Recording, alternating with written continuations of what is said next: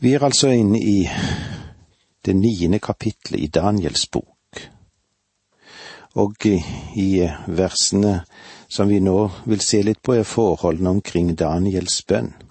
Og i det første verset der så leser vi slik. I det første året Deirios sønn av Ekserses var konge. Han var av medisk ett og var blitt konge over Kaliderriket. I det første året Deirios, eller av Deirios, av mederne sett, var blitt konge. Her er to ganske betydelige spørsmål. Hvem var Deirios, og hva kan vi si om tidspunktet? Mederen Deiros kan vi kanskje, eller er blitt identifisert som Syraxes den andre som vi møter i den sekulære historie. Dairios er mer enn en offisiell tittel, iallfall sammenlignet med konge, tsar eller keiser, enn et virkelig navn. Det har vært en del uoverensstemmelser om den nøyaktige datering. Det er noen som fortsatt står fast ved at år 538 før Kristus, mens andre igjen, de plasserer det to år et i etterkant, altså det er 536 før Kristus. Det er vel sannsynlig at begge disse dateringene egentlig er brukbare for å beskrive bakgrunnen. Denne mannen, han erobret Babylon i år 538 før Kristus i vers to. I hans første regjeringsår gransket jeg Daniel i bøkene og la merke til hvor lenge Jerusalem etter Herrens ord til profeten Jeremia skulle ligge i ruiner. Det var 70 år. Dette var i det første regjeringsårene kong Darius. Daniel han har sett et nytt stort verdensrike seile opp og han undrer seg på hva fremtiden skal bringe, og spesielt fremtiden for hans eget folk. Så Daniel, han gransket Guds ord.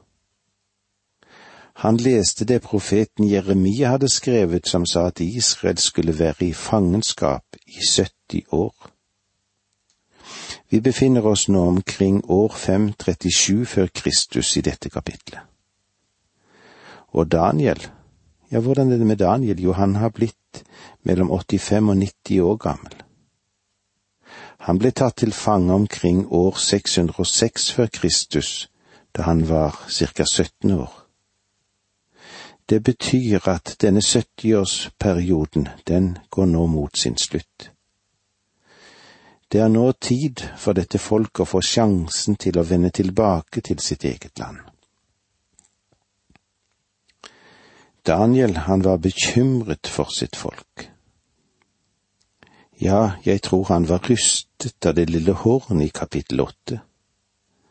Antiokus Epifanus, den syriske kongen, han ville trakassere Daniel sitt folk, og han ville profanere tempelet. Og alt dette, det gjorde jo Daniel svært bedrøvet. Vi burde legge merke til at en faktor som var bestemmende for Daniel når det gjaldt hans bønn, det var studiet av Guds ord. Ordet åpenbarer Guds vilje. Et studium av Guds ord etterfulgt av bønn, det er selve formelen for å bestemme Guds vilje. Og her er det de løftene som Daniel leste og vi ser om dette i Jeremia 25,11. Hele dette landet skal synke i ruiner og bli til ørken, og folkeslagene her skal trelle under babylonerkongen i 70 år. Og i Jeremia 29,10. Så sier Herren, når 70 år er gått for Babylonia, skal jeg se til dere jeg vil gjøre det jeg har lovt, og føre det tilbake til dette landet. Prøv om du kan ha det klart for deg at Daniel hadde studert Jeremias sin profeti om disse 70 årene. Når Daniel brukte uttrykket 70 uker, så utvidet han tidsrommet for de 70 år. De 70 ukene vil dekke hele denne prøvelsens tid for Israel frem til det øyeblikk at riket blir opprettet på jorden. Vi vil nå se litt på de forholdene som Daniel ba under. Bare det å lese Daniels bønn avslører hvor annerledes bønn var på hans tid enn hvordan bønn er nå. Legg bare merke til rammene. Vi leser versene tre og fire i kapittel ni i Danielsboken. Jeg vendte meg til Herren Gud for å søke ham i ydmyk bønn. Jeg fastet, kledde meg i botsdrakt og strødde aske på hodet. Jeg ba til Herren min Gud, bekjente vår synd og sa, Å Herre, du store og forferdelige Gud, som holder din pakt og viser miskunn mot dem som elsker deg og holder dine bud søke ham i ydmyk bønn, med faste, i bodsdrakt, med aske på hodet. Bibelen forteller oss at den Herre Jesus fastet, men faste ble aldri gitt Guds folk som en spesiell tjeneste. Det var noe man kunne gjøre utover det som var krevd. Det er nevnt i den første menighet at det var mange som fastet. Paulus han skrev til de kristne i Korint, som det står i 2. Korinterbrev 11.27. Jeg har arbeidet og slitt, ofte våket, lidd sult og tørst, ofte fastet og har manglet klær i kulden. Daniel han demonstrerte en målrettet og utholdenhet i sitt bønneliv. Selv Jakob, han ropte jo i sin bønnekamp, som det står i første Mosebok 32, 26. Jeg slipper deg ikke før du velsigner meg. Denne bønnen til Daniel, den er meget personlig. Den angår ham, og den angår hans folk og så går det frem av hans stadige bruk av første person entall og flertall. Jeg, vi og vår. Disse personlige pronomene de dukker opp 41 ganger i denne bønnen. Du husker kanskje at jeg nevnte eller pekte på hvordan Nebukadneser brukte det personlige pronomen i kapittel fire. Hva er forskjellen mellom det og det du finner her? For Nebukadneser var det et tegn på hovmod, et merke på at han kjente seg løftet opp.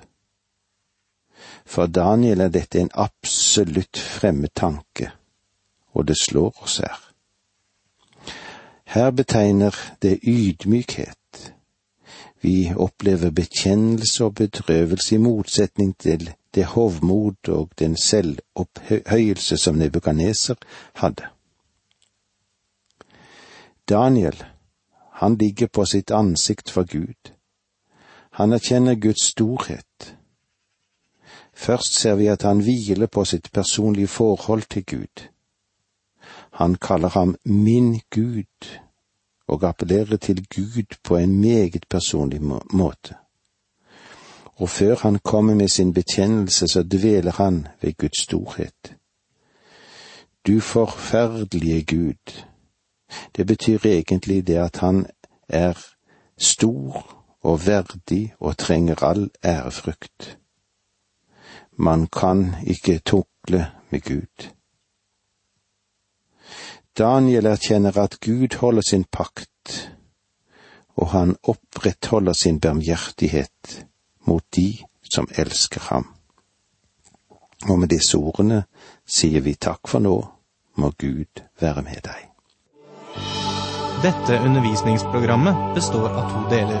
Åge Nevland fortsetter nå med andre del av dagens undervisning. Vi er i Daniels bok. Vi er i det niende kapitlet.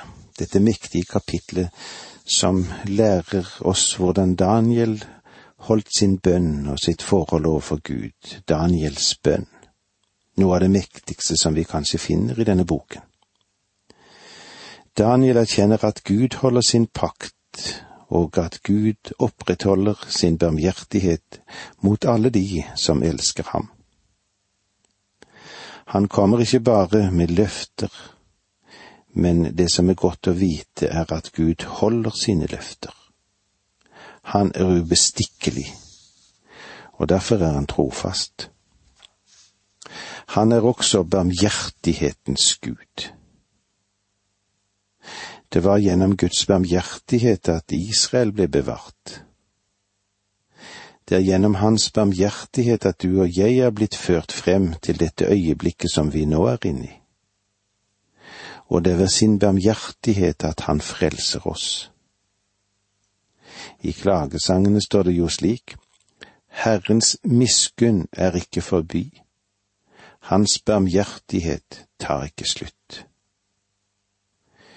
Nei, det er godt for oss å vite at Gud er nådig, men Gud forventer også at vi skal ta ham på alvor. Gud forventer vår lydighet. Nå skal du legge merke til hvordan Daniels synsbekjennelse var, slik som vi kan lese det i versene fem og seks i kapittel ni i Danielsboken. Vi har syndet og handlet ille vært ugudelige og trassig. Vi er veket fra dine bud og lover. Vi har ikke hørt på dine tjenere profeten som talte i ditt navn til våre konger, våre høvdinger og fedre, og til alt folket i landet. Vi har syndet. Hva skjer i denne bønnen som Daniel har? Jo, Daniel han identifiserer seg med sitt folk der i Israel da de gjorde opprør mot Gud, og det resulterte i at de måtte gå i fangenskap. Han er konkret i sin bekjennelse. Han beskriver hver synd, ugudelige, trassige, ulydige, og ikke hørt på Guds profeter. Han skjærer alle over en kam. Han utelater ikke noen. Jeg tror at vår bekjennelse av synd krever nøyaktig dette som det Daniel lærer oss.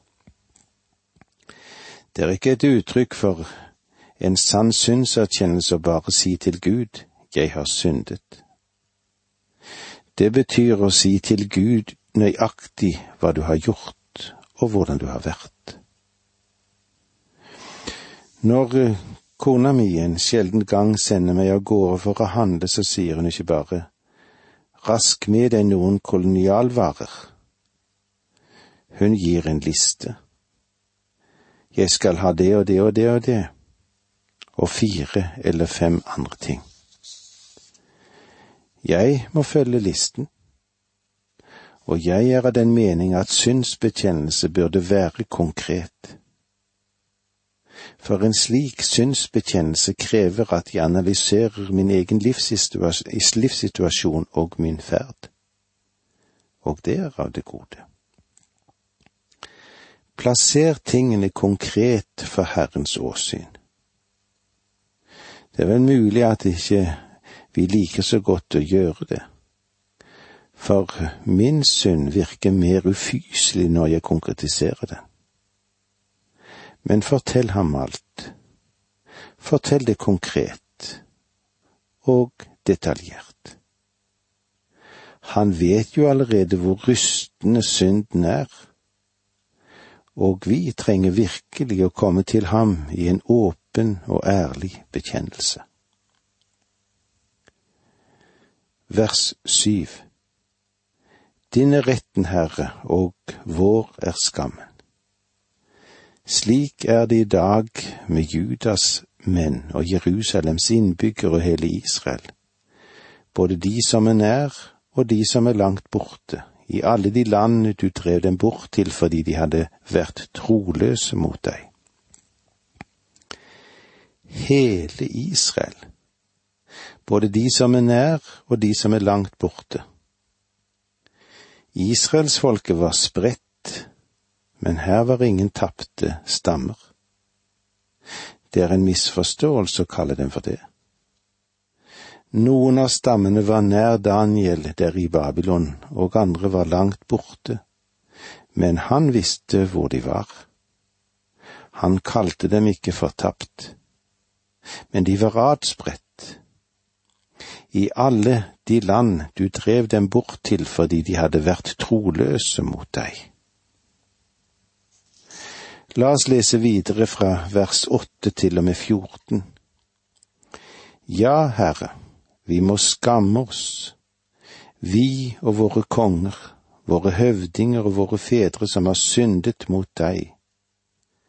Hos Herren vår Gud er barmhjertighet og tilgivelse, enda vi har satt oss opp mot ham. Vi hørte ikke på Herren vår Gud og levde ikke etter hans lover som han la fram for oss ved sine tjenere profetene. Hele Israel brøt din lov, vendte seg bort og hørte ikke på deg. Derfor kom den over oss, den forbannelsen som Gud sverget at han ville sende, og som det er skrevet om i Guds tjener Moses, Moselov. For vi hadde syndet mot ham han holdt sine ord som han hadde talt mot oss og mot de styresmenn som rådde over oss. Han førte oss han førte over oss en ulykke så stor at det ikke finnes et sted under himmelen hvor det er hendt noe slikt som i Jerusalem. Etter det som står skrevet i Moselov, kom all denne ulykken over oss. Men vi prøvde ikke å vinne Herren vår Guds velvilje. Vi vendte ikke om fra våre misgjerninger og aktet ikke på din sannhet. Derfor hadde Herren stadig ulykken for øye og lot den komme over oss. For Herren vår Gud er rettferdig i alt han gjør, men vi hørte ikke på ham. Så langt i Danielsboken. Har du frem til nå lagt merke til hvordan Daniel setter Guds godhet i kontrast til Israels synd. Han setter Guds rettferdighet i motsetning til Israels stadige kompromisser som var deres skam. De ble adspredt fordi de gjorde opprør mot Gud. De fortjente den straff som de hadde mottatt. Gud var rettferdig når han sendte dem i fangenskap. Gud rett, var rettvis og er rettvis. De hadde feil. Om vi går til Gud og stadig har unnskyldninger for våre synder hvis vi sier til ham, Herre, du vet at jeg er svak og jeg var i denne eller denne eller inne i en vanskelig klemme så skyver du egentlig din synd over på Gud. Du sier egentlig at Gud gjorde en feil. Han burde tatt hensyn til disse vanskelighetene når han vurderte deg. Har han vært hard mot deg? Du og jeg får nøyaktig det vi fortjener, og vi trenger å gå til Gud og bekjenne vår synd. Stadig kan vi høre folk som antyder at Gud kan tenkes å gjøre noen feil, men Gud har ingen feil. Det er vi som gjør feilene. Daniels holdning er den riktige holdningen som hver av oss skulle ha når vi nærmer oss Gud i bønn. Gud vil ikke forkaste oss, men han vil sannelig heller ikke i ett og i alt pleie oss før du og jeg står ved det punkt at vi kommer og ber Gud om barmhjertighet, og slutter og unnskylder hvordan vi selv oppfører oss og hvordan vår vandring er. La oss lese litt videre fra vers 15 til 18. Og nå, Herre vår Gud, du som førte ditt folk ut av Egypt med sterk hånd og har vunnet deg et navn, slik det er i dag. Vi har syndet og vært ugudelige. Herre, du som har gjort så mange frelsesgjerninger, vend vreden og harmen bort fra din by Jerusalem, fra ditt hellige fjell. Fordi vi har syndet, og våre fedre har handlet ille, er Jerusalem og ditt folk blitt til spott for alle dem som bor omkring oss. Hør nå, vår Gud, hva din tjener ber og bønnfaller deg om, og la ditt ansikt lyse over din ødelagte helligdom for din egen skyld, Herre Min Gud, vend ditt øre hit og hør. Lukk opp dine øyne og se hvor ruiner og byen som ditt navn er nevnt over. For det er ikke tillit til våre rettferdige gjerninger at vi bærer våre ydmyke bønner frem for deg, men i tillit til din store barmhjertighet. La dette være siste ordene i dag. La vår tillit være til Han som er tilliten verdig. Må Gud velsigne deg.